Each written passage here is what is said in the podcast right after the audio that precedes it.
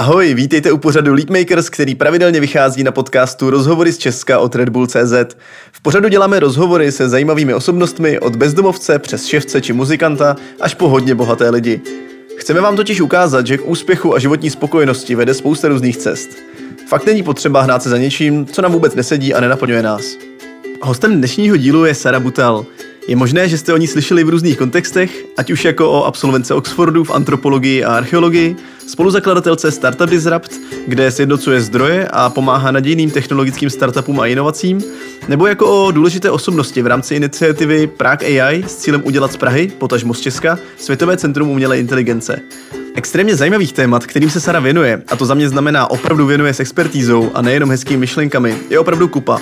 Bylo pro mě tím pádem náročnější udržet jednu dějovou linku, ale to konec konců ani nebylo záměr. Oblasti, které se okolo Sary točí, obsahují jak vize budoucnosti, technologie, tak ale i znalosti historie, ze které vycházíme. Takže si v rozhovoru rozhodně najdete svoje, ať už vás zajímají odbornější témata, nebo spíš samotný barvitý příběh téhle osobnosti, která ale stejně jako my ostatní smrtelníci musí řešit každodenní věci, včetně financí. Jinak já jsem Miky Škoda a mimo tenhle podcast se věnuju projektům s cílem pomoct lidem tady v Česku najít svoji cestu životem a získat odvahu se po ní vydat. Jsem zakladatel Leapmakers, X Challenge a mimo jiné autor knihy Můžeš po dělat cokoliv. Podcast běžně uvádím s kolegou a blízkým kamarádem Matoušem Vinčem, se kterým jsme Leapmakers a X Challenge zakládali, ale dneska jsem byl na Saru sám, takže jsem si vynahradil, že minulou epizodu s Michalem Molčánem zase uváděl jenom Matouš. Od příště v době po koronavirové už ale budeme moderovat zase společně podle plánu. A teď už jdeme na rozhovor. Ahoj lidi, vítám vás u dalšího dílu podcastu Leapmakers. Zdravím tady Saru Butal. Ahoj, děkuji za pozvání. Já jsem moc rád, že jsi dorazila ke mně do Pardubic, je to tak těsně post-korona, jako, takže ještě, ještě mám improvizované podmínky. Doufám, že se to dneska neprojeví ta improvizace, nebo se projeví jako akorát pozitivně, věřím teda. Já myslím jedině pozitivně a pak si dám perník a bude to všechno v richtiku. Pardubický perník, OK, dobře. tak se dostane možná potom k tomu, co teda děláš, jako, aby, aby lidi si domysleli, který perník možná máš na mysli, ale...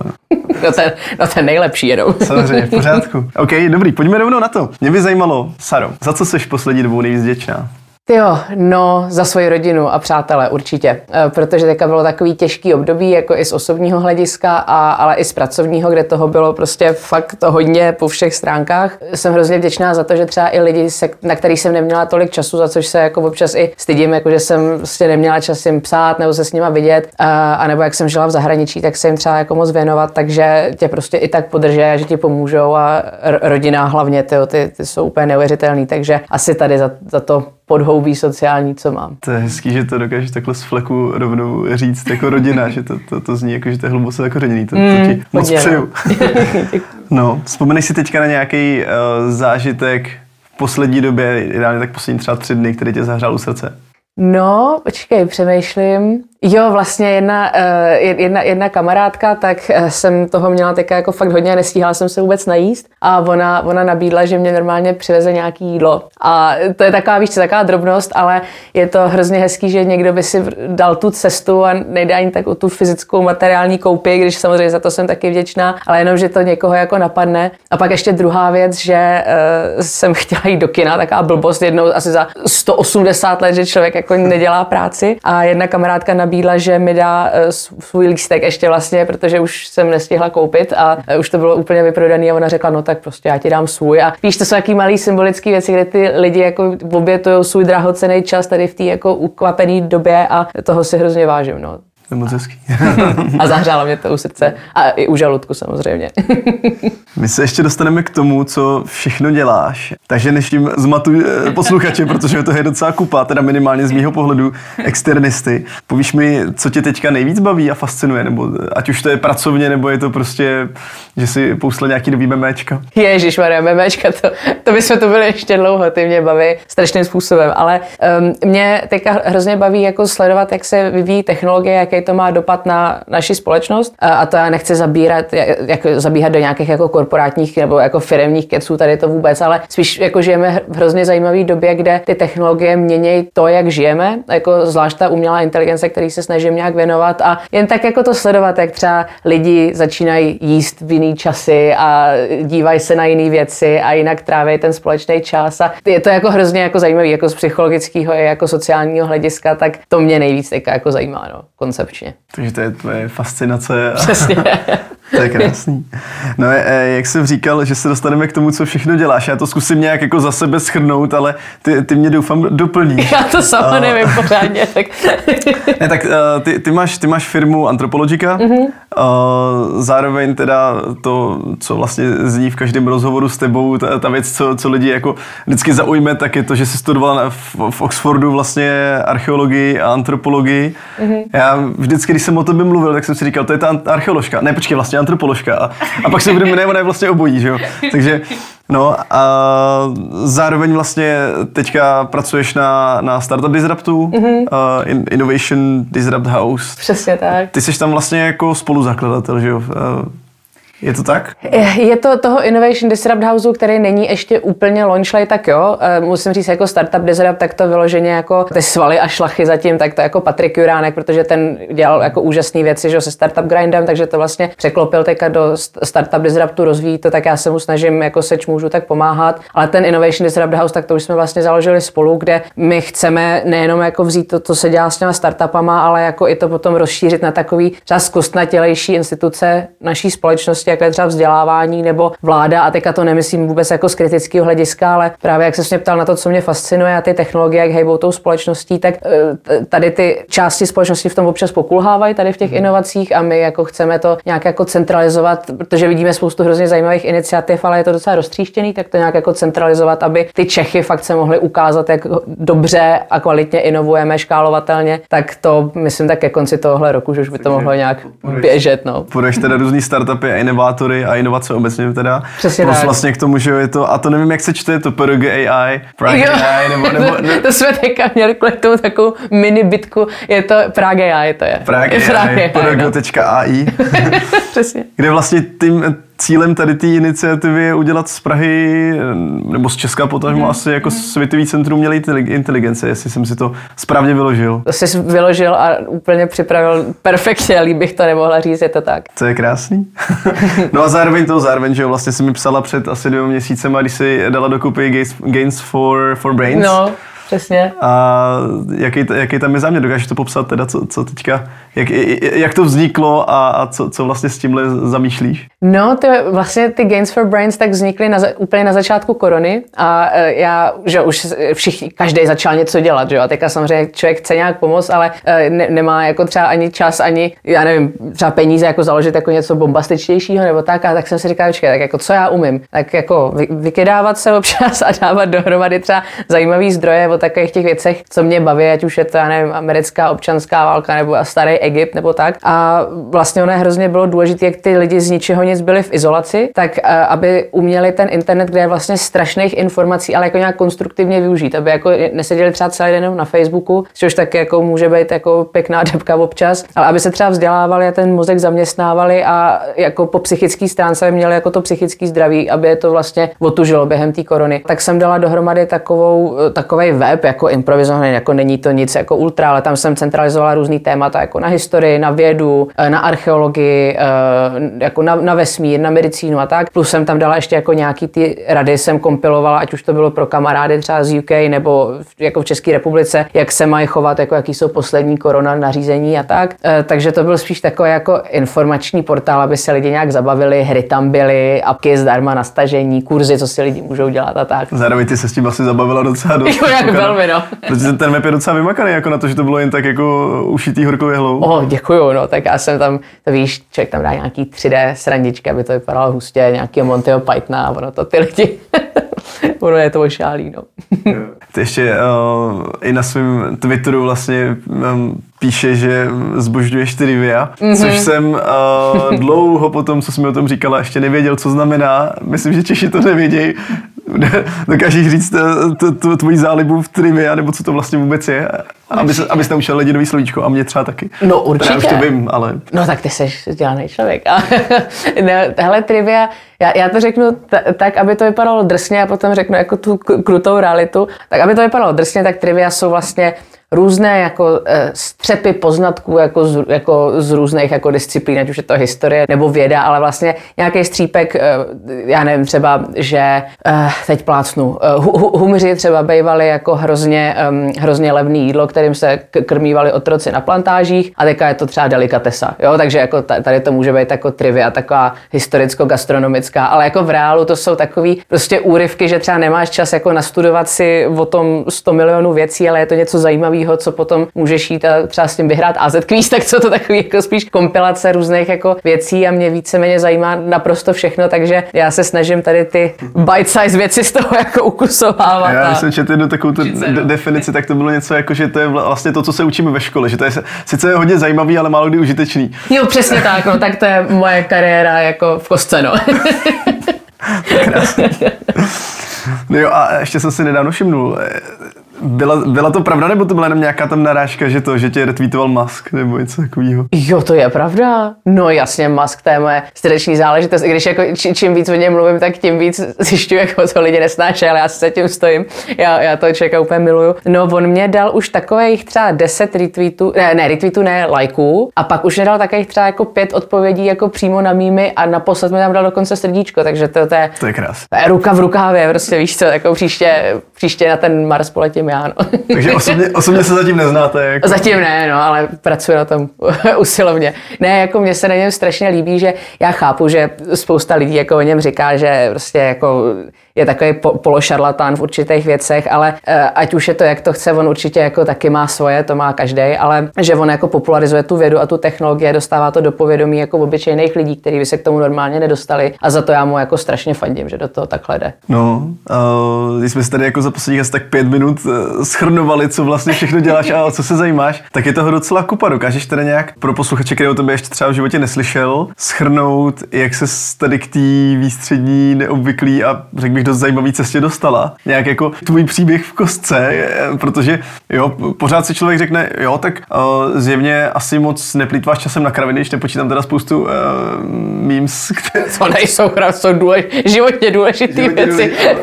jo, to jsem taky čet v tom tvým jednom mím, nebo meme, já tomu říkám český meme, uh, něco jako, že it's not addiction, it's a passion. Přesně tak. Přesně tak. Jo. No, tak dokázala bys teda schrnout tu svoji cestu, jak se dostala k tomu, co teďka všechno děláš a že o tobě uh, Musk ti lajkuje tvoje tweety.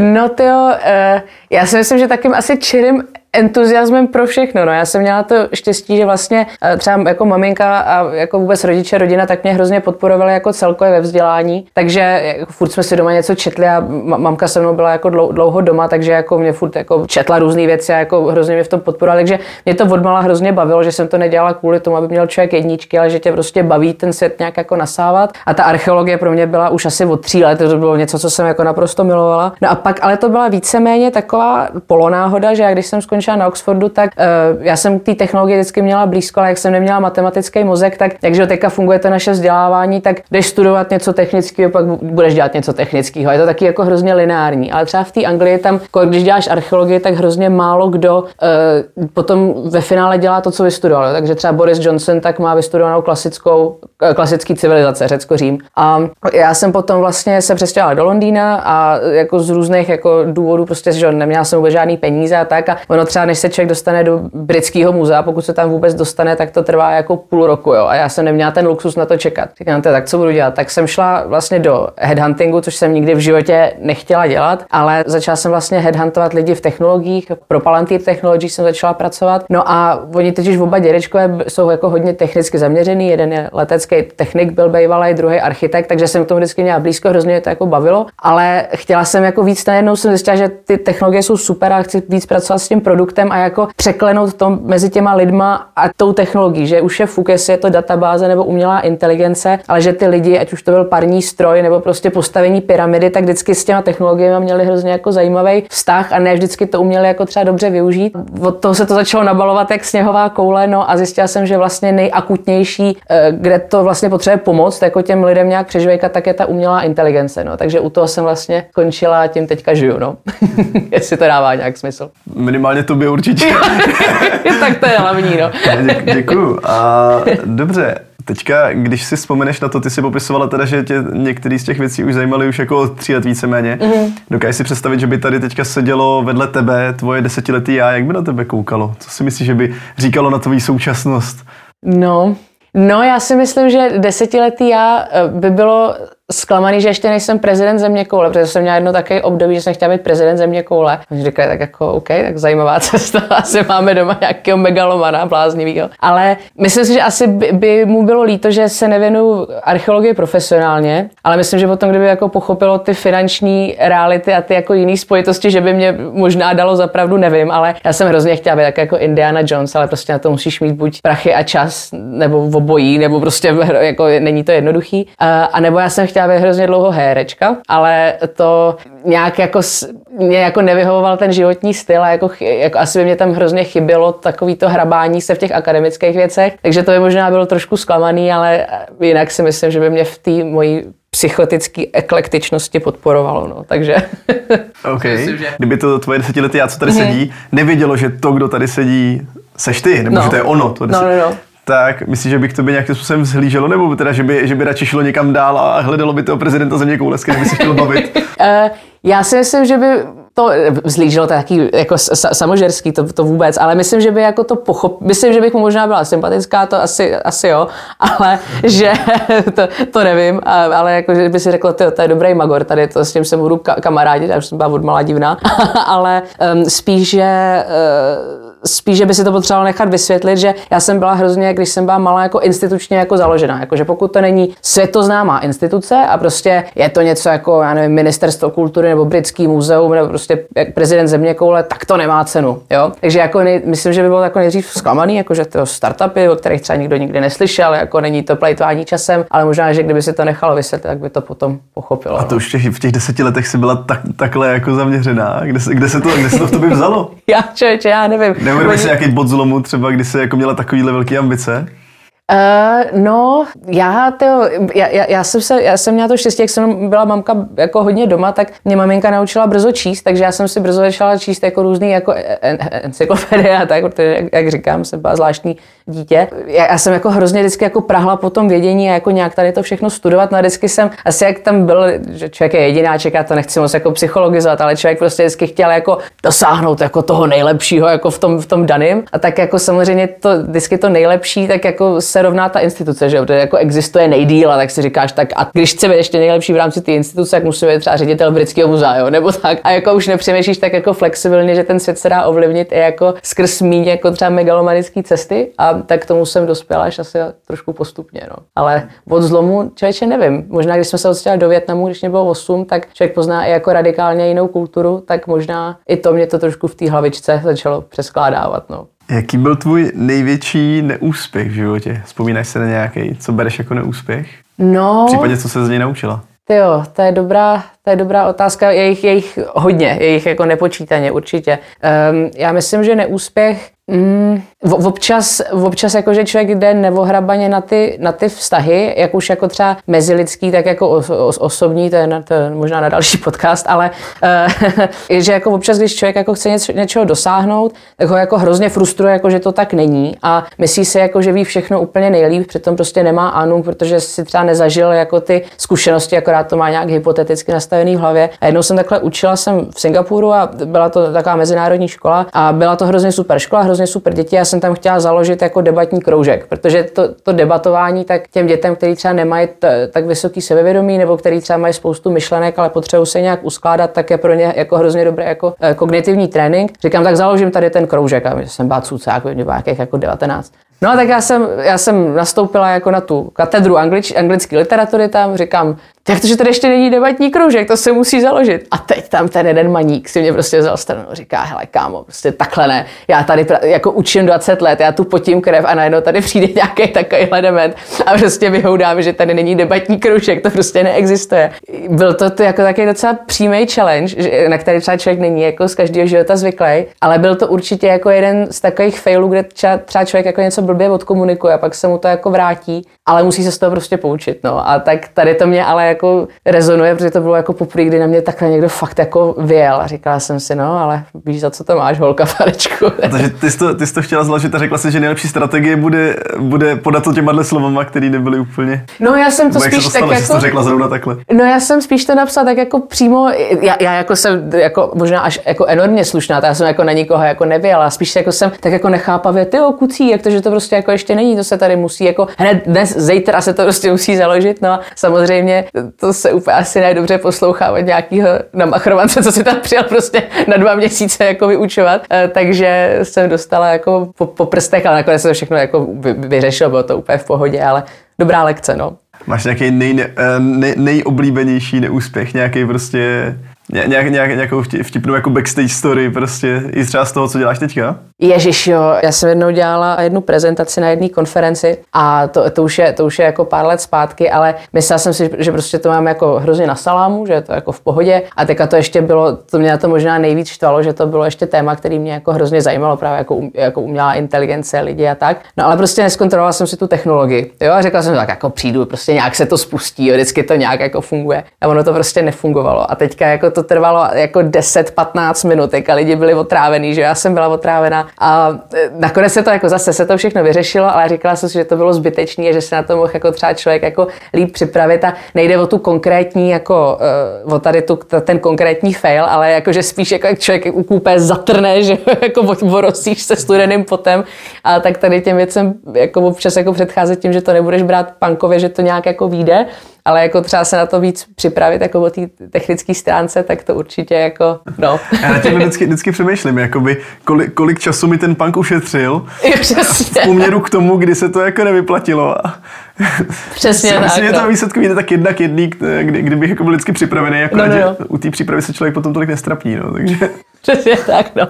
A ono je, jako, ono je to sice hezký, ale oni za, jako za pět minut ti ty humory dojdou a pak už jenom vypadá, že jako blbec, když to nefunguje, takže no, no, z toho jsem se určitě poučila docela drsně, no.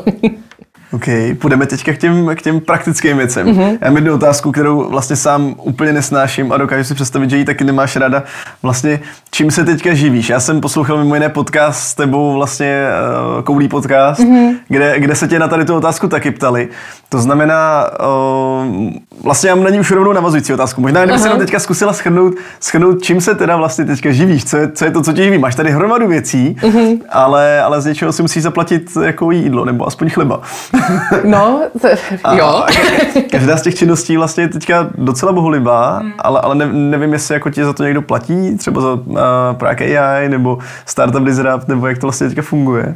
E, teďka se to vlastně jako s chodou okolností to jako uh, koreluje s tím, že jsem teďka jako začala víc dělat ty podcasty, tak jako uh, je to v takém tranzičním období, že já jsem byla, uh, že jsem se vrátila z Anglie asi po deseti letech, tak tam mě živila prostě no, no, jako normálně práce sice ve startupu, ale jako od měsíce do měsíce prostě dostaneš nějakou výplatu. Pak jsem to, pak jsem vlastně přišla na Ičo, takže to bylo taky víc punkový, ale věnovala jsem se jako převážně jako jedné firmě, což byl Neuron Soundware, takže tam jako jsem pracovala, že chodila normálně do práce práce a že o víkendech si jako člověk jako něco šudlal, ale to vlastně se teďka změnilo v březnu, takže vlastně přesně jak byla ta korona, tak jak člověk jako sedí doma u babičky, tak jako baslí různé věci jako na počítači. Člověk jsem se zapojila asi deseti různých iniciativ, ale jako co se z toho jako naprosto vykrystalizovalo, tak, tak to Prague AI, tím já jako žiju a je to úžasný a vidím zatím obrovskou přidanou hodnotu a to potom i bude to, co mě bude vlastně živit.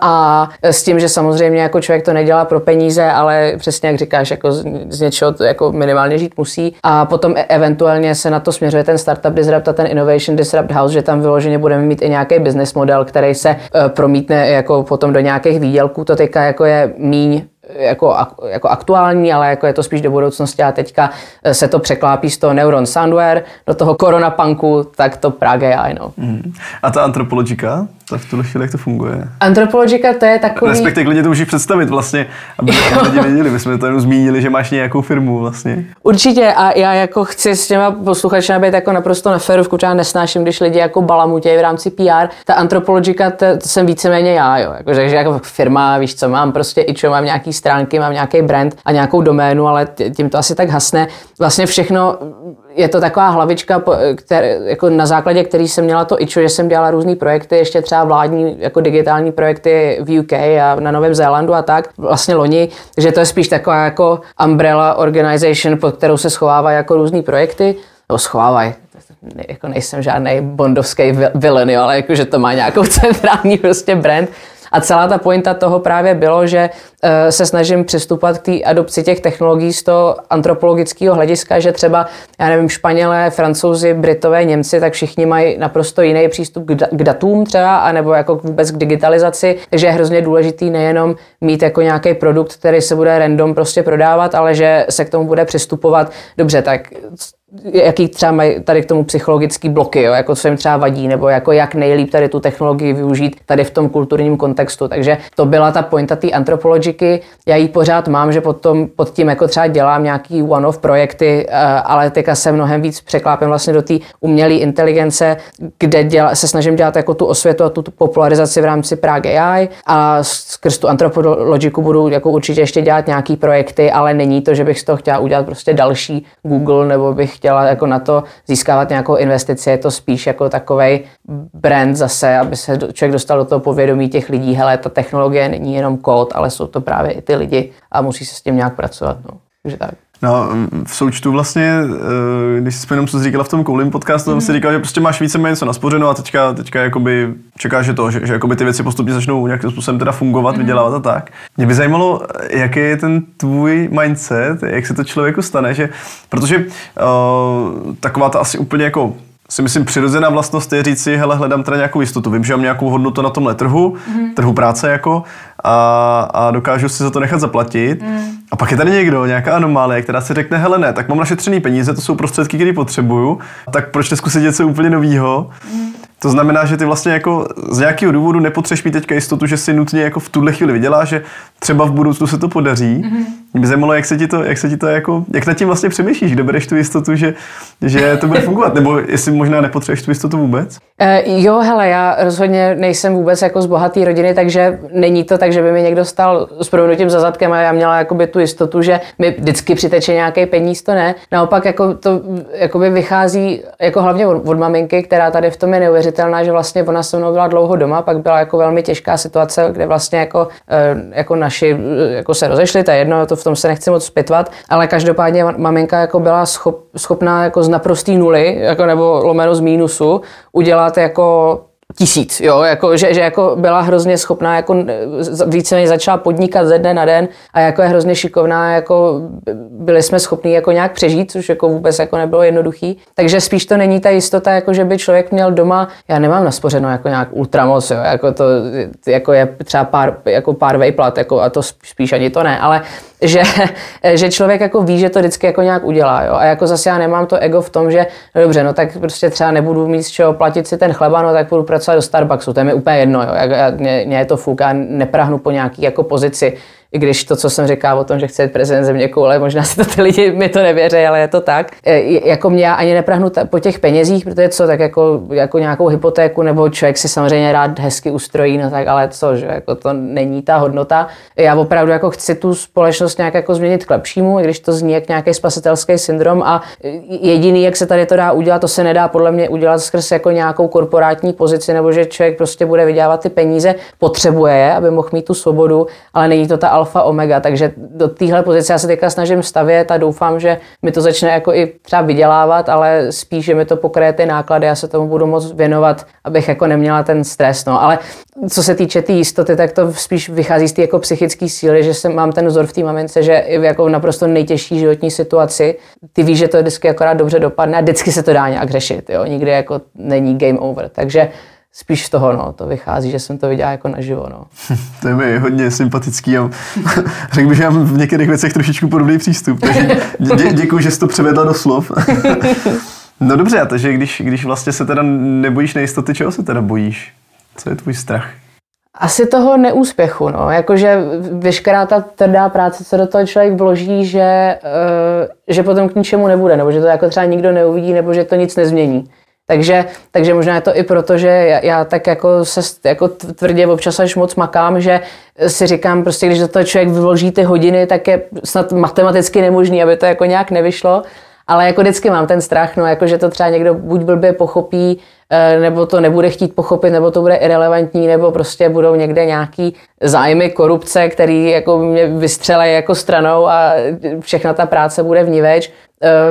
Tak, tak to, no. Tak. A kdy teda přijde ten bod toho sčítání, teď už by se mělo ukázat, že to je úspěšný nebo neúspěšný, protože to, to, hmm. to co popisuješ, eh, jako dostat Česko na světovou úroveň z pohledu, z pohledu AI, nebo spíš udělat to centrum, to je pořád jako abstraktní cíl. I to centrum, když už bude, tak teďka bude najednou cíl to udržet prostě, jo, a za deset let znova, jo. A to znamená, to znamená, je to, je to docela abstraktní. Tak eh, má, máš nějaký takovýhle vymyšlený bod, jako spoza kterého už budeš vědět, jestli to bylo úspěšný ta snaha nebo nebyla? Nebo co no. vlastně znamená úspěch teda pro tebe? Hele, to, to je vynikající otázka a upřímně já na tady tě musím ještě popřemýšlet, protože uh, já mám v hlavě jako ty abstraktní cíle. Já mám v hlavě jako ten abstraktní cíl, že mám jako ty bílý vlasy, rozumíš, jak se všude píše o České republice, jako o, jak se píše o Švýcarsku a o hodinkách a o čokoládě, tak se prostě píše o nás, jako že no jasně Češi, tyjo, super koumáci, umělá inteligence, inovační paráda, že to i té zemi začne nějak vydělávat a i té zemi to dá tu svobodu, kterou my jsme vlastně nikdy neměli, jo, protože od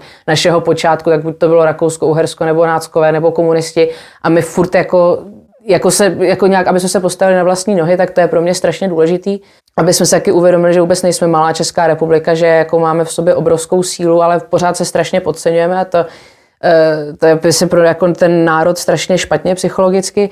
Takže to je ten můj jako abstraktní cíl. No a teďka jak samozřejmě k němu dosáhnout, to se ptáš jako zcela správně, nejsi zdaleka první. Je to složitý to nějak kvantifikovat, jako jsou to věci takový třeba typu, teďka pracujeme na eh, právě s Prague AI na eh, takové konferenci, která má být na eh, jako governance of AI, takže jako etika umělé inteligence, vlastně jak se to vůbec má nebo nemá regulovat.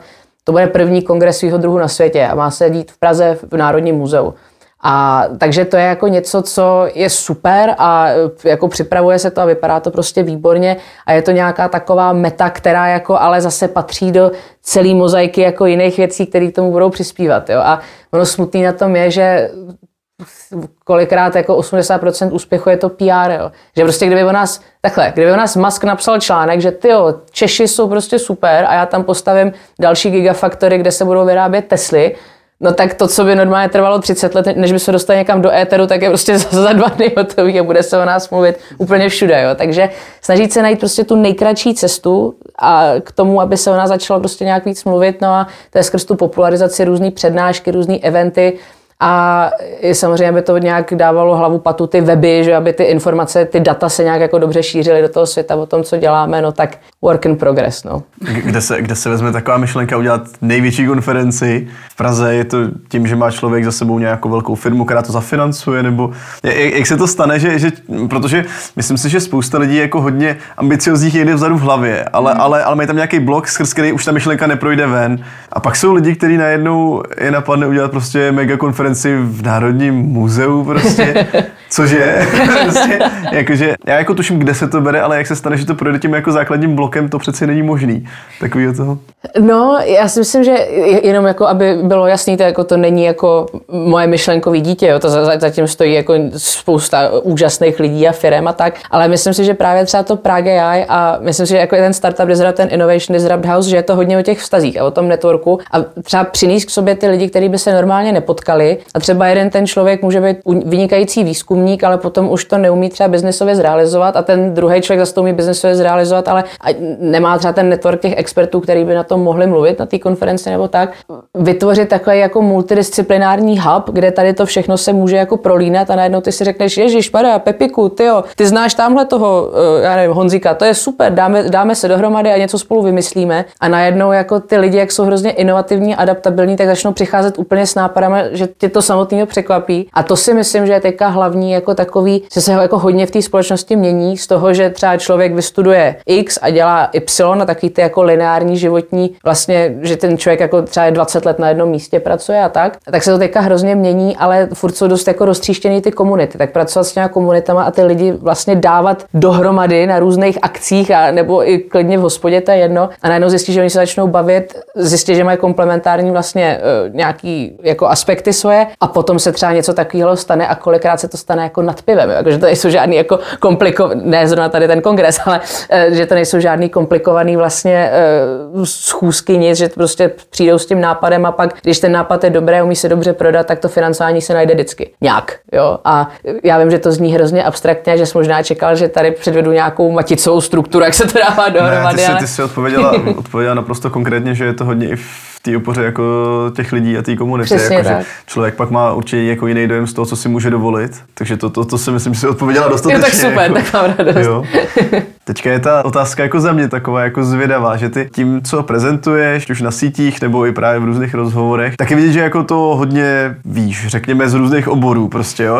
Jako pravděpodobně je to i díky tomu, že máš růz, různý tituly, máš asi pět, ne, nebo něco takového, takže, takže eh, těch informací máš, máš hlavě dost a hodně o těch informacích i dál mluvíš a hodně je dál rozvíjíš a hodně s tím pracuješ. Stíháš se vůbec nějak jako dál vzdělávat a držet jako, jako krok, je, je, nebo obecně vlastně, jak to všechno stíháš, jo. Já si zkouším zkouším představit ten, tu, tu, tu, praktickou část jako každodenní, kdy jako tam někam v těch pár hodin spánku vměstnat musíš, tak jak to všechno stíháš? I včetně toho vzdělávání, který tam je podle mě asi nezbytnou součástí. No, to, eh, to se ptáš dobře, to měla jsem už hodně jako konverzací jako s hodně lidma, že bych toho možná měla dělat jako mínit, že asi jako, já se nemůžu prostě pomoct, mě prostě zajímá všechno. Já jsem se dostala potom už do takové jako smyčky, že jsem to právě jako nestíhala a že člověk vůbec nespí a jako pořádně nežije, nemá čas na nic, na kamarády vůbec jako na nic. A to taky už nebylo potom dlouhodobě udržitelné. Takže já se teďka snažím si do toho vměstat nějaký řád, moc mi to jako občas nejde, ale e, jako že si třeba člověk nutí večer jako číst nějakou knížku nebo jako si udělat kus nějakého kurzu, jo, aby se jako vzdělával. Ale jako musím upřímně říct, že ty nejzajímavější věci se člověk samozřejmě, jako ta archeologie, to studium, vlastně to bakalářský, ten, ta archeologie, antropologie, tak to dalo e, jak obrovský rozstřel, protože se vlastně učíš, když to schrnu, jako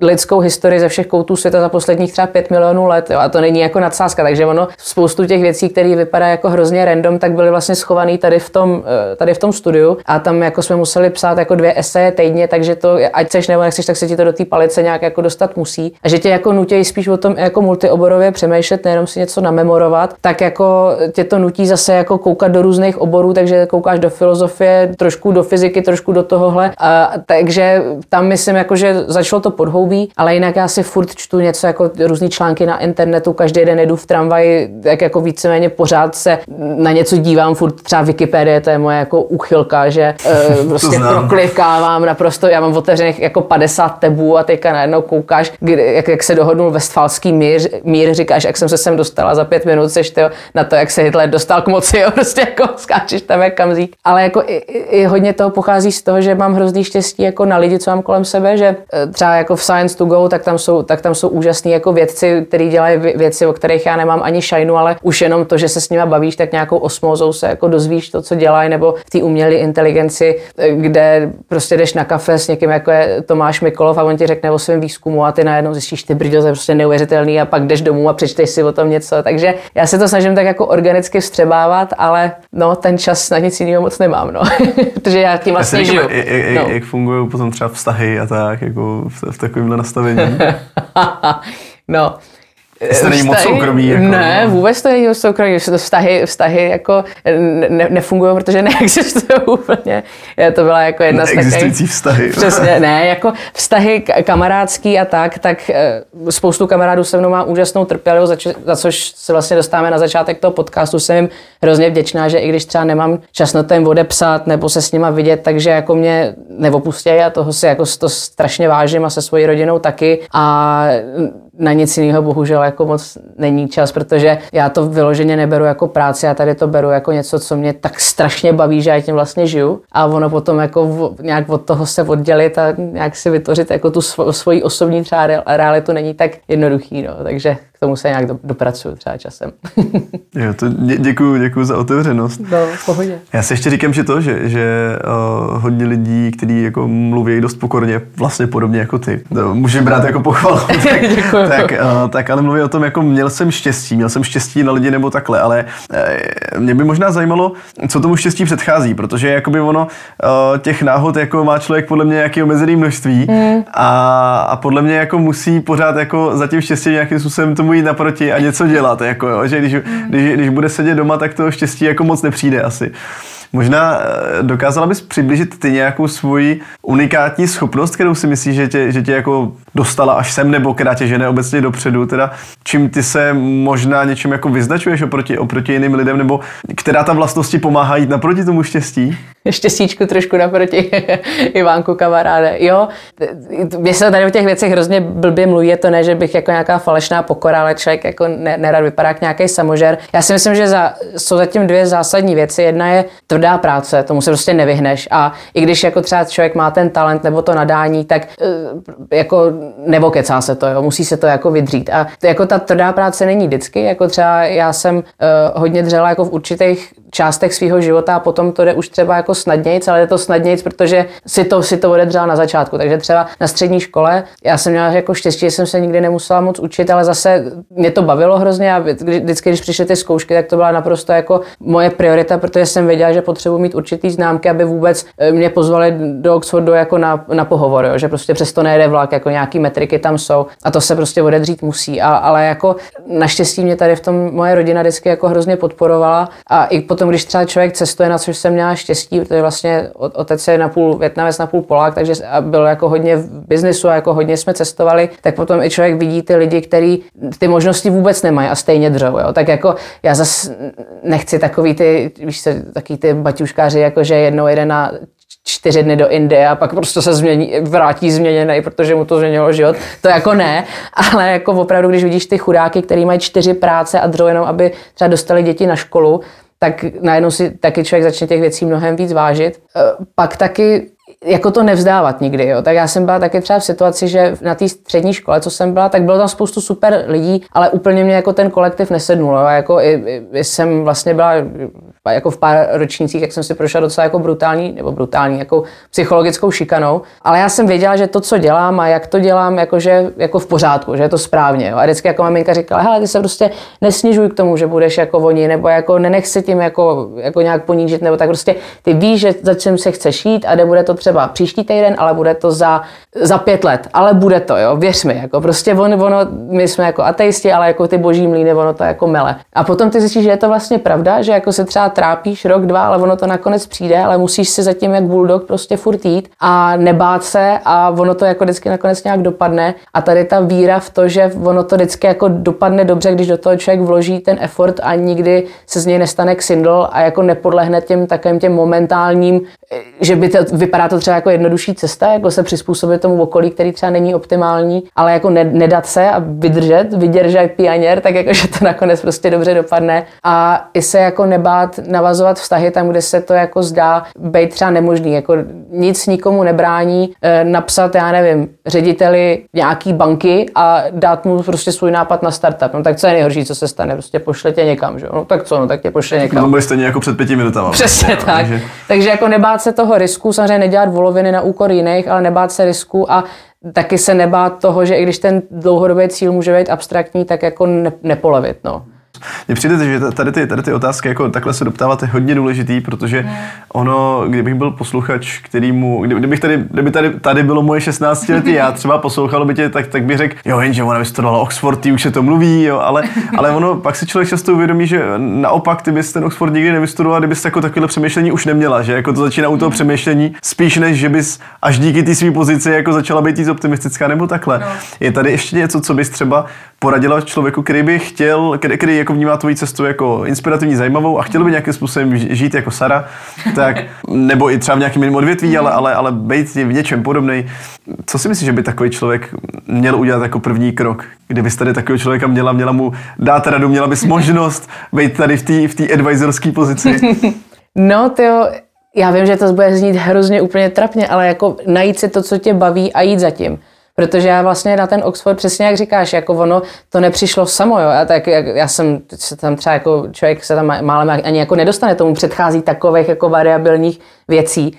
Eh, já jsem na tom dřela víceméně jako od osmi let, že jsem věděla, že já chci dělat archeologii a prostě prostě přesto nejel vlak. A samozřejmě moje, moje rodina je úžasná, ale taky první otázka třeba v, jako od některých lidí bylo tyho, jako archeologie a co s tím budeš dělat? A říkám, neboj, já to, já to nějak vymyslím, ale jako já chci dělat archeologii a vím, že kdybych se přihlásila na, ně, na cokoliv jiného, takže bych to třeba, tak já bych tu školu dodělala, jo, protože když už máš tu přijetost, tak by to byla blbost, ale že bych se třeba trápila a otrávilo by mě to na, na, do konce života a pak bych, já nevím, skončila třeba někde jako účetní, nebo já nevím, jo, ale vybrat si to, co tě baví, protože když se o tom tomu chceš věnovat, tak ty vlastně ta tvoje konkurence v tom oboru, tak to jsou jako všechny lidi, kteří jsou v tom jako hrozně dobrý. Jako těch hrozně dobrých lidí je strašně moc, jo, to už potom jako se v tom člověk nějak nevyznačuje. Myslím, že se člověk může vyznačit tou vášní a to nemůžeš udělat v něčem, pro co nežiješ. Jo. Takže i když třeba, já nevím, chcete být zahradník, nebo se chcete stura, jako starat o tučňáky, nebo tak to je fuk, to jděte to dělat a buďte v tom vynikající, nejlepší, super a, a nepolevte z toho,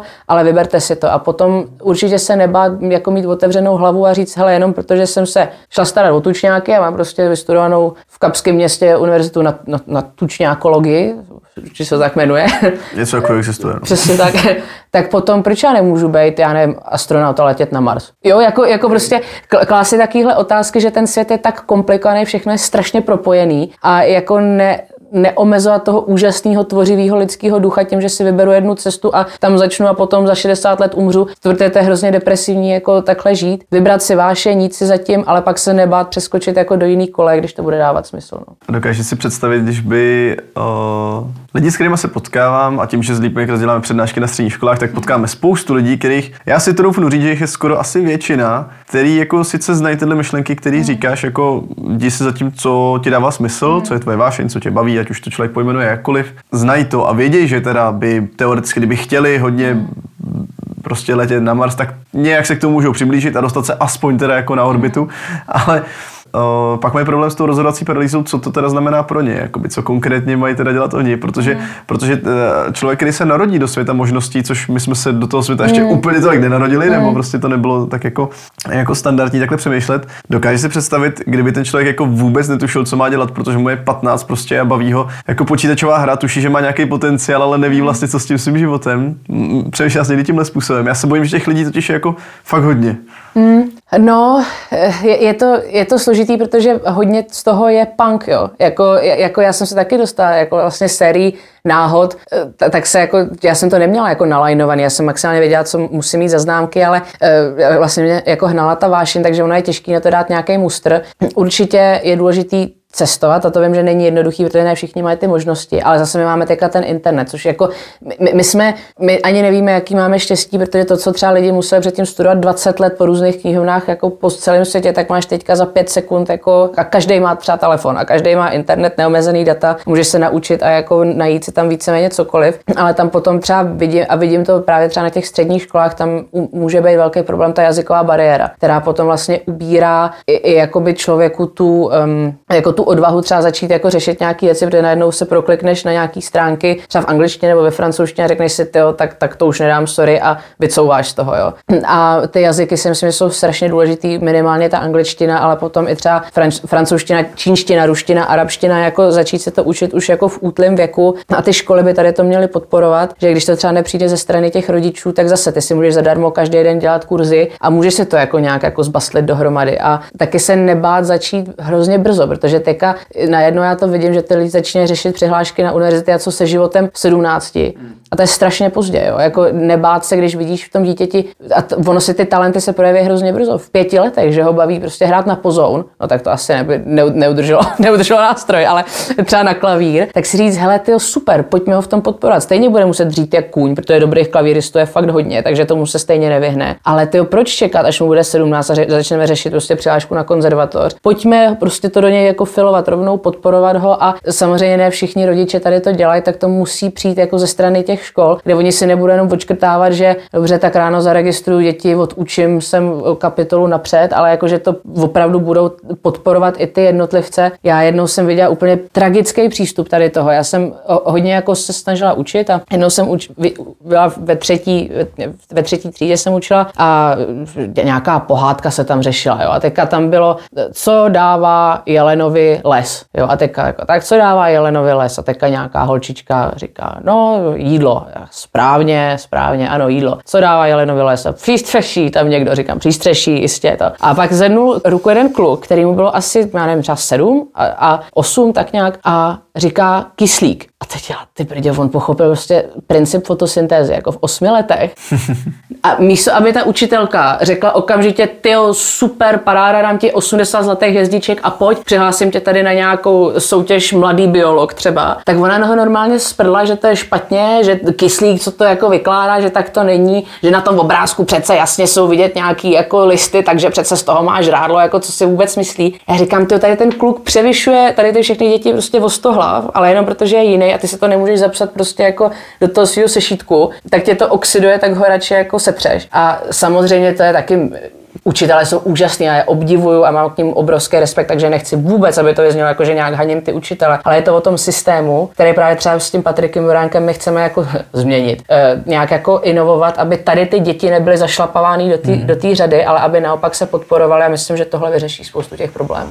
Jo, tak to bych tam vlastně za sebe doplnil, když, když to posloucháme. Já si myslím, že vlastně každý má nějaký takovýhle, takovouhle křivdu, kdy učitel, hmm. učitel uh, ho, ho, někdy napomenul za něco, kde to myslel dobře, nebo, mu pro, nebo ho nepochválil za to, za to, co, za to, co uměl. Já, já si u sebe pamatuju jich spoustu a možná, možná, tam jde, možná tam jde o to, když už se to člověku stane a nedostal tu podporu, tak se z toho nezbláznit, protože není v tom sám asi. Přesně, no, tak, přesně tak. Dobře, pojďme, pojďme dál. V tomhle rozhovoru mě by mm, zajímalo, já zase, když jako vnímám, ty se teda přikláníš, když se bavíme o vývoji lidského druhu, mm-hmm. jo, tak ty se při, přikláníš té teorii punktovaného ekvilibria mm-hmm. teda. Hezky. Dokážeš to nějak teda jenom tak jako přiblížit, co to, co to znamená? Aby si nahrála na další otázku.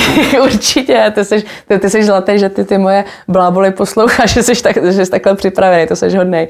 Uh, vlastně to, jak, jako těch teorií je několik, jo, takže jako ono je hrozně těžký říct, tady to jsou striktně ty teorie, protože vždycky bude nějaký akademik, co z toho dostane schýzu, ale punktovaný ekvilibrium v zásadě je, že uh, se děje pod povrchem, ať už je to třeba v našem jako genotypu, jako nebo třeba hormony na nás mají určitý efekt, nebo epigenetika, to už je jedno, ale spousta jako změn pod povrchem, které jako nejsou zřejmé. Že ten druh se furt chová jako hodně podobně, a tady ty změny se furt jako vesele dějou a mění se to a jako furt to nemá jako nějaký jako očividný dopad a najednou prostě boom a třeba v rámci jedné generace se to jako projeví, nebo se to třeba projeví na jednom jednotlivci, který to potom předá dál, nebo jako udělá nějaký neuvěřitelný vynález, který zase to posune jako jinam, že ta evoluce nemusí být jenom genetická, ona může být i kulturní, že jo, nebo jako vývoj technologií a tak, ono se to všechno hrozně prolíná, má to na sebe obrovský dopad. Takže já jsem spíš jakoby zastáncem toho, že je spousta malých změn, které nemají jako očividně hned jako nějaký efekt, jako nebo nejsou hned vidět,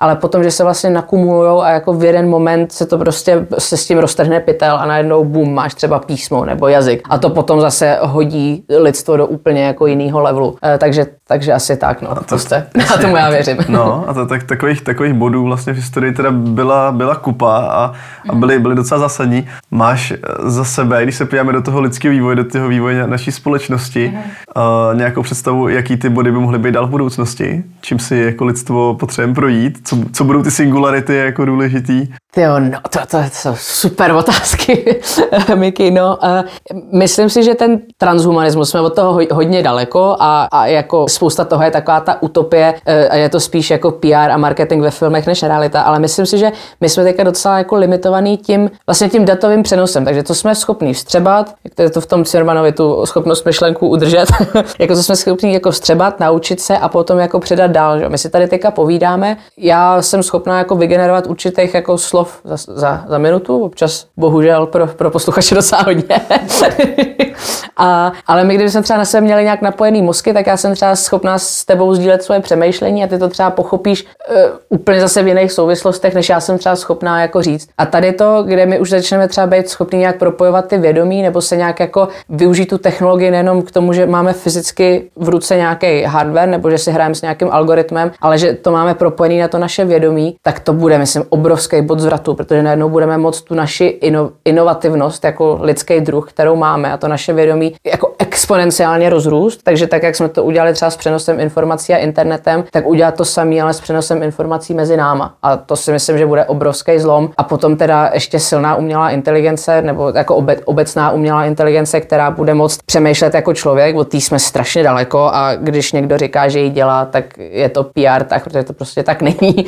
A, ale e, to si myslím, že zase v té umělé inteligenci bude obrovský krok, který bude mít obrovský dopad na naše životy. Takže tady ty dvě věci. No. A potom let do vesmíru, ale to, to, to by se tady bylo ještě hodně dlouho. Budování Dysonovy sféry třeba. Přesně.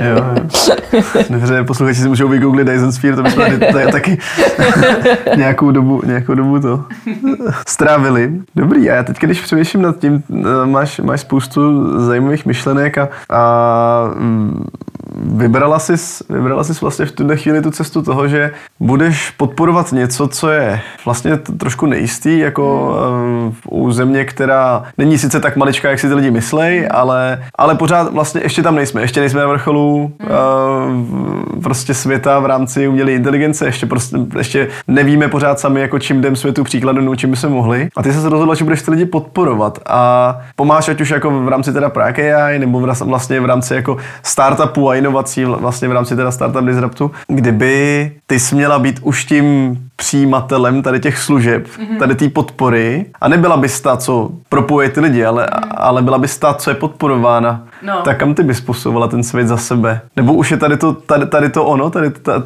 tady to propojování je za tebe ta, ta, to rozhýbání světa? Já si myslím, že, Nebo já si myslím, že jo. já, ví, víš, jako taky mě občas jako třeba frustruje to, že já jako nevyrábím nic konkrétního, jo. Jako, že nebo, e, že nejsem třeba inženýr, co jako vyrobí nějaký jako třeba konkrétní kus hardwareu, který je schopný tu společnost někam posunout, nebo nějaký lék, nebo Bůh ví co. Ale myslím si, že už jako jenom otevření toho dialogu může mít jako přidanou hodnotu a vlastně dodat těm lidem to sebevědomí, že a, a potom to, jako ať už potom pracujete v jakýkoliv vertikále, jestli já nevím, vyrábíte auta nebo pečete nebo ať už je ten odběratel jako kdokoliv, nebo je to třeba i politik, tak jako věřit si, že jako na tom nejsme tak špatně a taky věřit si, že, jako, že se ty věci mají dělat slušně a dobře a ono to potom z toho všechno jako vyplyne, ať už je to umělá inteligence nebo startup nebo cokoliv jiného. Že Ale... pracovat ve vertikále. Jo, jakože jakoby v určitý, um, jako v určitý, v určitý části toho trhu. Jo, jakože jako já se nesnažím mířit jenom na lidi, co pracují s umělou inteligencí nebo na lidi, co zrovna chtějí jako investici do startupu, ale jakože je to víceméně jedno, kdo ten odběratel je, ale já to třeba vidím třeba jako na své mamince, která podniká, že jo, nebo jako na babičce, dědovi, já, já nevím, že je jako hrozná nejistota toho vlastně, jak jako společnost, jak na tom jako vůbec jsme a jako, jak, jako že ten dialog toho propojovat jako ty různé eh, jako sféry toho života tady jako moc není, že ty lidi se drží toho svého písečku a v tom si jedou. Je se to hrozně jako těžko říká, no ale jako nebát se jako tady ty lidi právě propojit a otevřít ten dialog, protože v tom je obrovská síla a najednou to je jako s cestováním, ty zjistíš, že tamhle ten člověk to dělá třeba úplně stejně. Najednou můžete prostě spojit síly a dělat to spolu. Ale oni se o sobě nedozvědí, pokud ten dialog tady nebude. Takže takže asi tak, no. Ale blbě se to kvantifikuje, protože právě já to nemůžu měřit tím, že prodám určitý počet něčeho nebo e, vyro, posunu ten svůj produkt od X do Y, ale jenom tím, že se o tom mluví, tak si myslím, že to je ta přidaná hodnota, kterou se snažím nějak. Takže to, to, to, čím ty hejbeš světem, to, čím, to, co ty zanecháváš, tak je vlastně ta podpora věcí, které by bez tebe tím pádem ani vlastně třeba nezvykly. To to řekl hezky, to se to, to se zvednu sebevědomí. Já jsem chtěla říct vykydáváním se na podcastách, ale takhle to zní mnohem líp. To si dám na vizitku, člověče. Jo, tak ono, ono, ono, je dost možný, že, že, to, že to takhle, jak to říkám, i, i je a bude. Jenom je těžký. Myslím, že to, to, to musí chtít jako hroznou odvahu a silnou vizi, protože je to vlastně strašně abstraktní. Ty nevíš, co by bez tebe nevzniklo, když to ještě není. Přesně tak. Takže... Třeba nevznikne nic, ale to je riziko, který já jsem jako, s tím já jsem schopná žít. No. to je hezký.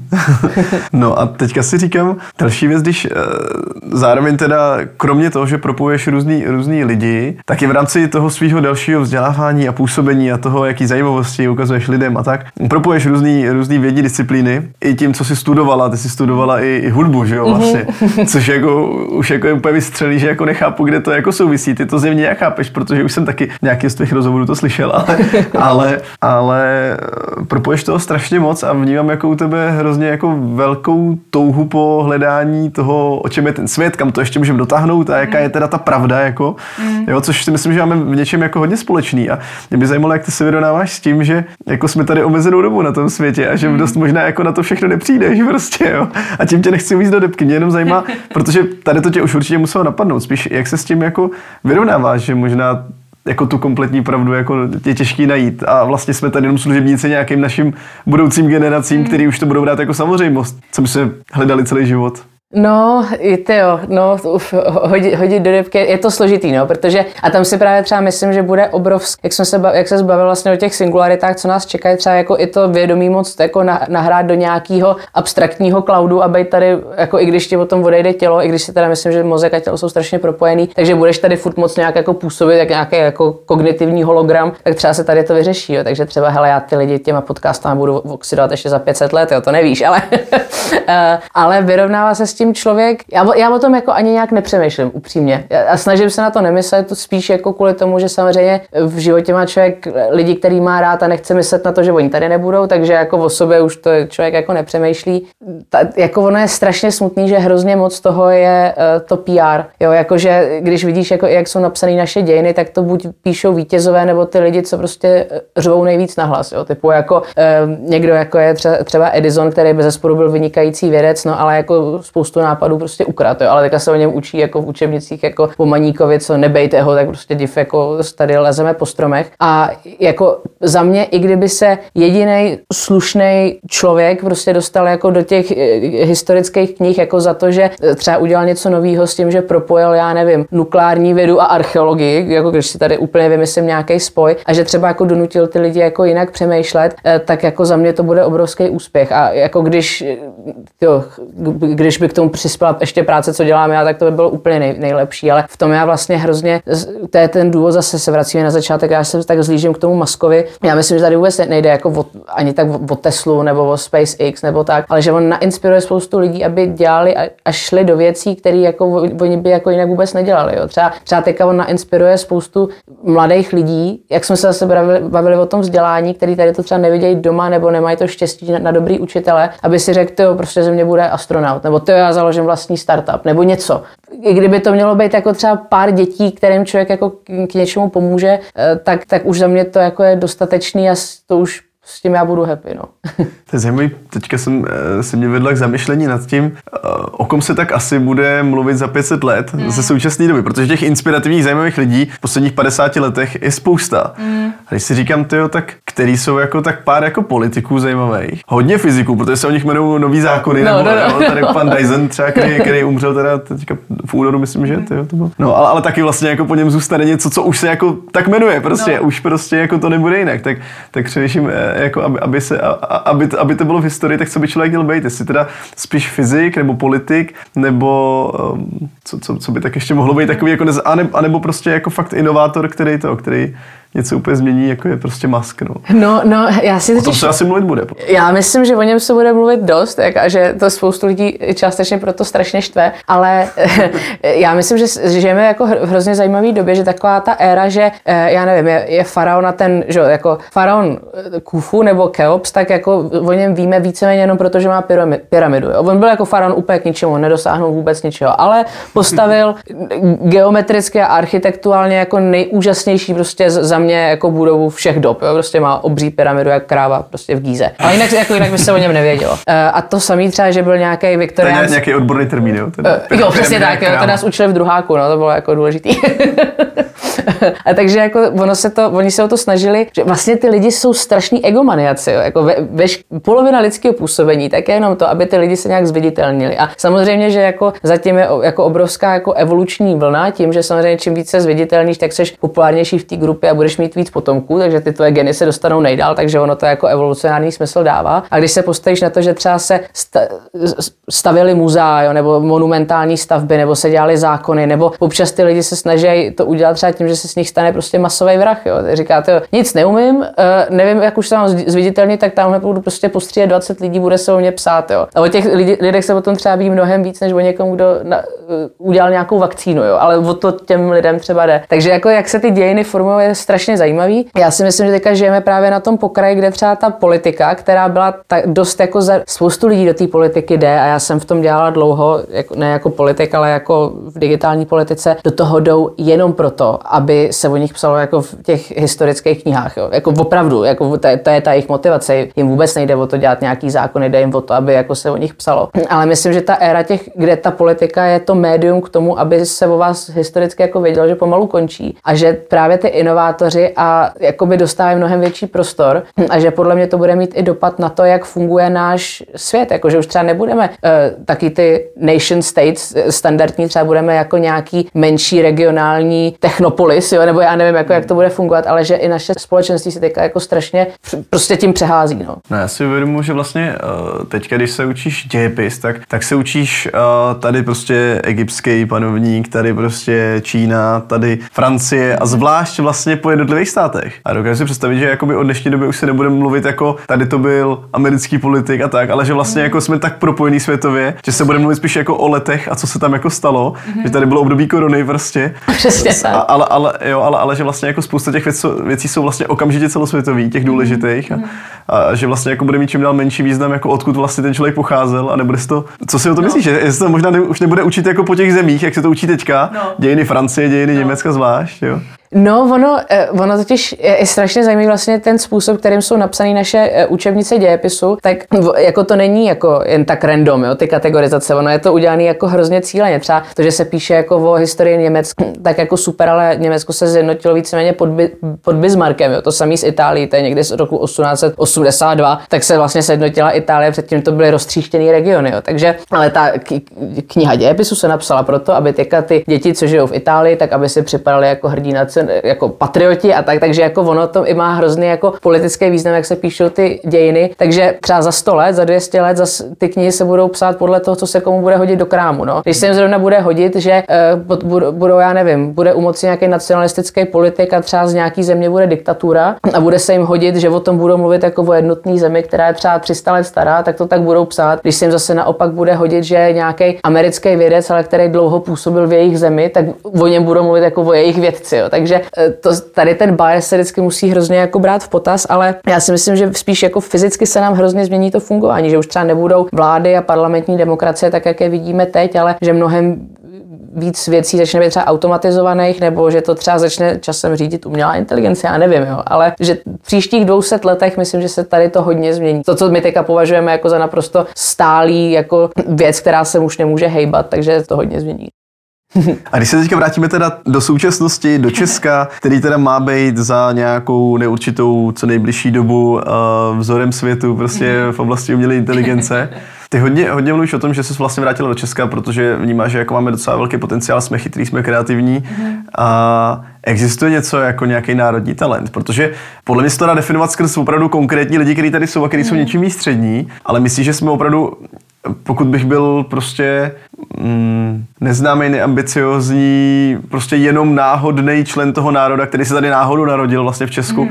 je podle tebe něco, čím jsme jako opravdu jako Češi jako jiný, tím, že se mm. narodila v Česku, máš už o něčem, nebo o ně, něčím, něčím navrh oproti zbytku světa, nebo něco prostě jiného? Určitě, ty jsi podal to je úžasná otázka. Ježíš, to jsme tady seděli tak dlouho a já se pokusím to nějak skondenzovat. Určitě. A e, jakože ty národní predispozice tady jsou, myslím, že jsou hlavně napojený na jazyk, takže ten náš jazyk je jako velmi specifický a jako jsou důkazy a, nebo jako vědecký výzkum o tom, že jako ta lingvistika hrozně formuje to, jak se vyvíjí náš mozek. Takže to třeba, že ten náš jazyk je celkem květnatý, a, ale zároveň jako i strukturovaný, tak nám myslím dává určitý neurologický kognitivní predispozice k tomu třeba být jako talentovaný v určitých směrech. Jo? Takže jako třeba to, to, to, že Češi jsou vynikající hudebníci, to si nemyslím, že teďka jako spekuluju. Ne, ne, jako tady to zrovna jsem jako přímo nestudovala, ale myslím si, že to určitě jako je nějak propojený s tím, jak třeba mluvíme, nebo uh, potom, že jo, když se podíváš na Smetanu, tak ten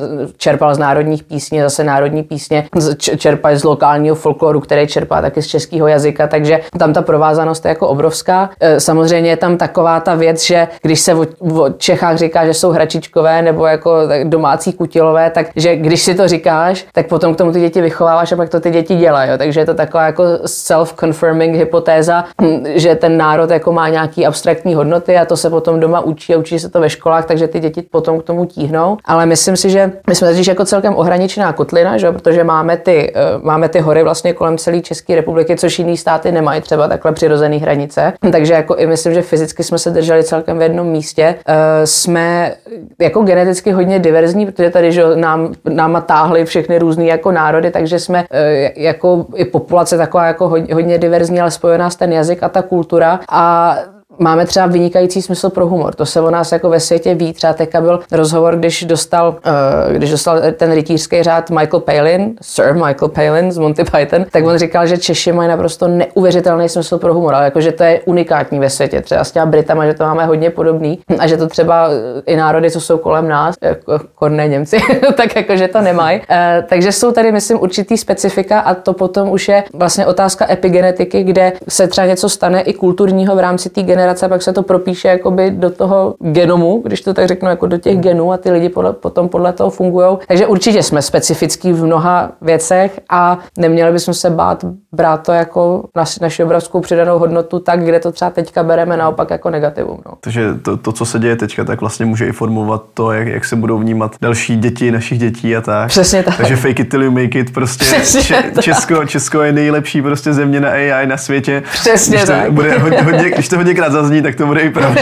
Přesně tak. krásný. tak takhle funguje ten startupový princip vlastně na všechno. No to ty by se zdivil, ale je to, je to tak. No. Okay. Fake it till you get tyjo, 5 milionů euro v investici a pak je to v pohodě. No. to je krásný.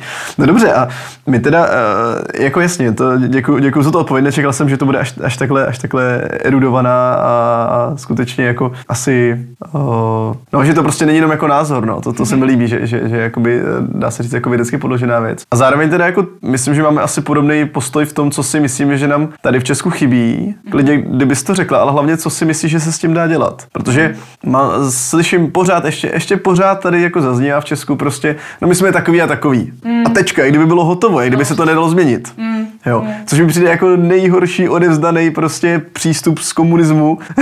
jo, jako takhle to je. No. Co podle tebe se dá dělat s tím, co nám tady chybí a co to teda je? Jo, no, řekl jsi to dobře, ten, ten komunismus nás tady v tom strašně rozebral na prvočinitele, jo. Jako víc, než si třeba připouštíme. Jako my jsme k tomu vždycky tíhli, on, Ladislav Holý, tak v 60. letech, on potom, myslím, šel na Liverpool, je to antropolog vynikající a on napsal o jako syndromu české malosti, která tady byla ale vždycky, vlastně tím, že nás vždycky okupoval někdo jiný, tak vlastně bylo hrozně nebezpečný vystrkovat hlavu, protože samozřejmě, když si tu hlavu vystrčila, tak nějaká jiná mocnost většinou usekla, protože se si nehodil do krámu. Že? Takže eh, se, když už se ty věci řešily, tak se řešily tiše po hospodách nebo v obývácích a když někdo tu hlavu vystrčil, tak to byla nejenom vlastně ochrana jako té společnosti, že ty my s ním nechceme být asociovaný, protože on nás třeba ohrožuje, ale jako, že to bylo spíš podezřelý než jako něco kladného, kde naopak v Americe, když si tu hlavu nevystrčil, tak si umřel někde jako, když se snažil dostat jako z východního na západní pobřeží, protože si nebyl dost odvážně, tak tě tam nechali chcípnout, že jo, někde, někde prostě v karavaně. Takže to, co v jiných státech se bere naopak jako hrozný pozitivum, tak my z historických důvodů bereme jako negativní věc a to nás teďka dostává do hrozného srabu, protože ty lidi se potom bojí riskovat. A tak je bezpečný říkat teda, no tak to je ta naše česká molost, tak já budu přesně opatrný. tak, přesně tak. A to, je, a to je zase ta tvoje předešlá otázka, že jako máme spoustu pozitiv, ale koncentrujeme se na ty negativa, jako co já můžu dokázat, jako když jsem tady třeba v horní dolní a nemám tady ten specifický obor na, na univerzitě. No tak máš telefon, máš internet, udělej si pár kurzů zadarmo tyjo, a za, za, za, měsíc můžeš tady v tom třeba být to je expert. Jako pře, přeháním samozřejmě, ale tady to nám hrozně chybí jako společnosti a pak to nejhorší je, že se to u, u, jako štěpí do těch dět, dět, taky very check, much wow, tyjo, do těch dětí už ve škole, takže i děti tady s tím pocitem potom vyrůstají a pak se třeba bojí prorazit na té světové scéně nebo tak. Uh, ale myslím si, že co se s tím dá dělat, tak za A, aby se oceňovali slušní lidi a aby byli hodně vidět, takže třeba ta nadace Neuron tady v tom dělá super věci, uh, nebo jako i třeba ta Bacala Foundation nebo Aspen Institute, tak jako se snaží jako do popředí tlačit lidi, co tam nejsou jenom proto, že by si to koupili, nebo protože mají známýho papínka, nebo protože jsou skorumpovaný, ale že jsou třeba z obyčejných poměrů, ale jsou slušný a něco umějí, Bůh ví co, tak to si myslím, že je strašně důležitý. A, ale to, taky k tomu musí pomoct ty média, no, protože jako ono už to není sexy být jako Oldřich nový, že jo? ale jako myslím, že bychom se k tomu měli zase vrátit, protože já si to zase nechci ty 30. leta nějak idealizovat, ale ta první republika jsme fakt měli jako dobře našlápnuto i v rámci toho světa, že třeba v tom společenství národů my jsme byli na tom Security Council a fakt jsme jako na tom byli dobře a jako ve světě nás oslavovali. Pak přišli náckové, pak přišli komunisti a všechno to skončilo, protože právě tady ta v úzovkách těžce vydřená elita, který studovali a učili se ty jazyky a snažili se jít jako nějakým slušným příkladem, tak byli všichni vybití a skončili v lágrech. A my bychom se měli teďka oklepat a zase je dostat nahoru, protože bez toho se neposuneme. No. Protože ryba vždycky smrdí od hlavy a my tu hlavu potřebujeme mít co nejčistší. No. Já to cítím úplně hrozně silnou naději, že to, že to, že to nakonec bude v pohodě, že, že, jako, že jako tady v Česku fakt jako máme, máme co, co, co, světu dát. A to může být jako super příklad i pro ostatní jako malé země, že, že jakoby nemusíme prostě všichni eh, liforovat prostě na, naše, naše chytrohlavy prostě do Ameriky nebo na západ. Přesně, prostě. přesně a, tak. a vlastně, že může být jako spokojený s tím, co máme tady doma a rozvíjet to. A pokud nám něco vadí, tak se to dá změnit, že jo? Jako, že... Přesně tak. A já, já, jako nechci vůbec, aby to vyznělo, že jako chci, aby ty lidi byli peciválové naopak, jako jít cestovat, studovat do zahraničí, všechno to jo, ale hm, já to třeba vidím eh, v té Anglii, že já jsem tam byla skoro 10 let, člověk si myslí, jo, západ, západ, Anglie, dobře, tak oni mají že, samozřejmě strašné prostředky, protože kolonizovali čtvrt světa, to je dobře, tak OK, to samý, že jo, Francie, tak, ale oni zdaleka nejsou jako na, ta, na tom tak vyspělé, jak my si myslíme, jo, jako samozřejmě samozřejmě má tam jako ty elity a tu aristokracie, tu krásnou, bohatou historii. Mám tam jako, jako nejlepší kamarády, takže já vůbec nechci hanit, takže dali mi úžasnou příležitost, ale jako tam je třeba součástí populace, které jsou negramotní. Jo. Opravdu negramotní, kteří třeba nedají dohromady jako kloudnou větu, že ty tam přijedeš a mluvíš líp anglicky než oni. A e, že jo, nebo jako tam je obrovský problémy třeba jako s pitím nebo jako sociální problémy, kde občas jako přijedeš do části Londýna, to je jak indický slam, to je fakt hrozný. Jako, že jo, Marie Terezie tady měla už povinnou školní docházku a tam děti ještě pracovali v dolech jo, a neměli v Londýně ani kanalizaci. Takže jako ono opravdu, my se nemáme tak špatně, jak si to myslíme a ne, neměli bychom se na to stydět. No. Moc krát děkuji. Budeme to směřovat k závěru. Mm-hmm. Mám tady poslední dvě otázky. První mě zajímalo, jestli se cítíš šťastná. Jo, hrozně. Jo. E, cítím a cítím se nejšťastnější, co jsem byla jako za hodně dlouhou dobu. Eh, jako i z mnoha jako oso, osobních důvodů, že jsem jako vyřešila určitý věci, které mě, jako, eh, které mě trápily a eh, takže se cítím i šťastná, že jsem jako zpátky doma, zpátky v Čechách a cítím se i šťastná tím, že vlastně já jsem měla vždycky jako chronický problémy se sebevědomím a tak a teďka si to všechno nějak jako tak opravuju a dávám dohromady a vím, jak vidím, že je všechno jako na dobré cestě, tak jako jsem, těším se jako na ty zítřky, no. Jako jsem fakt spokojená. Ne, tak teda chronický problémy se sebevědomím nejsou znát. A tím to myslím v tom nejlepším slova smyslu teda. OK, a teďka ukradnu Matoušovi jednu otázku, protože dneska Matouš není u tohohle rozhovoru, stejně jako já jsem nebyl u toho minulého. Závěrečná otázka. Tak. Kdyby si měla smazat úplně všechno, co si doteďka řekla, jak v tomhle rozhovoru, tak úplně kdykoliv, mm-hmm. do dneška, do teďka, kdyby vlastně nic z toho, co si řekla, zanechala, nezaznělo, co měla být ta jedna věc, co by si chtěla sdělit lidem? Nebát se být divný, nebo nebát se bát, být takový, jaký opravdu jste, ne to, co prezentujete lidem, a nebát se dělat to vášnivě. Takže i když si třeba myslíte, že jste takový nebo makový a snažíte se v tom baru nebo na tom Facebooku dávat dopředu nějakou personu, tak on to stejně každý ve finále prokoukne a nebudete to vy, takže nebát se být takový, jaký jste se narodili a jít se za tím jak bulldog, protože je to ta správná cesta. Moc krát děkuju. To bylo hodně rychlý, spousta lidí nad tím přemýšlí půl minuty a pak až teprve něco řeknou první hlásku. tak to děkuju, děkuju za takovou krásnou odpověď a děkuju za dnešní rozhovor, vážím si toho. Já si toho moc vážím, děkuju moc, že jsi mě vůbec pozval a děkuju za burz guláš, že jsem tady s tebou v Pardubicích mohla strávit hezký odpoledne. Díky. Díky. Líbilo? Budeme rádi, když podcast doporučíte kamarádům a lidem na sítích, pro které by mohl mít přínos. Nezapomeňte taky odebírat kanál Rozhovory z Česka od Red Bull CZ, ať vám neutečou další díly. Najdete ho na Apple Podcast, Spotify nebo kdekoliv jinde, kde posloucháte podcasty. Feedback nebo tipy k podcastu posílejte na podcast zavináč Red Bull CZ. Sledovat nás můžete na Facebooku a webu Leapmakers, ale hlavně na sítích X Challenge. Chystáme teď například velkou srpnovou akci X Challenge Objev Česko. Úkolem v ní je za 6 dní ujít aspoň 100 km pěšky. Objevíte krásná místa a dokážete si poradit jenom s tím, co si zabalíte doma. Po cestě jsou volitelné výzvy, jako přespat v lese, podojit krávu, dát si noční pochod, projet se traktorem nebo rozdělat oheň bez syrek. Putovat se může o samotě, ve dvou nebo ve třech. A celý to zakončíme společným táborákem. Kromě téhle akce ale můžete sbírat inspiraci na cesty, práci na sobě i zlepšování svého okolí v naší apce X Challenge. Těšíme se na vás a zároveň se těšíme na slyšenou v dalším dílu Leapmakers.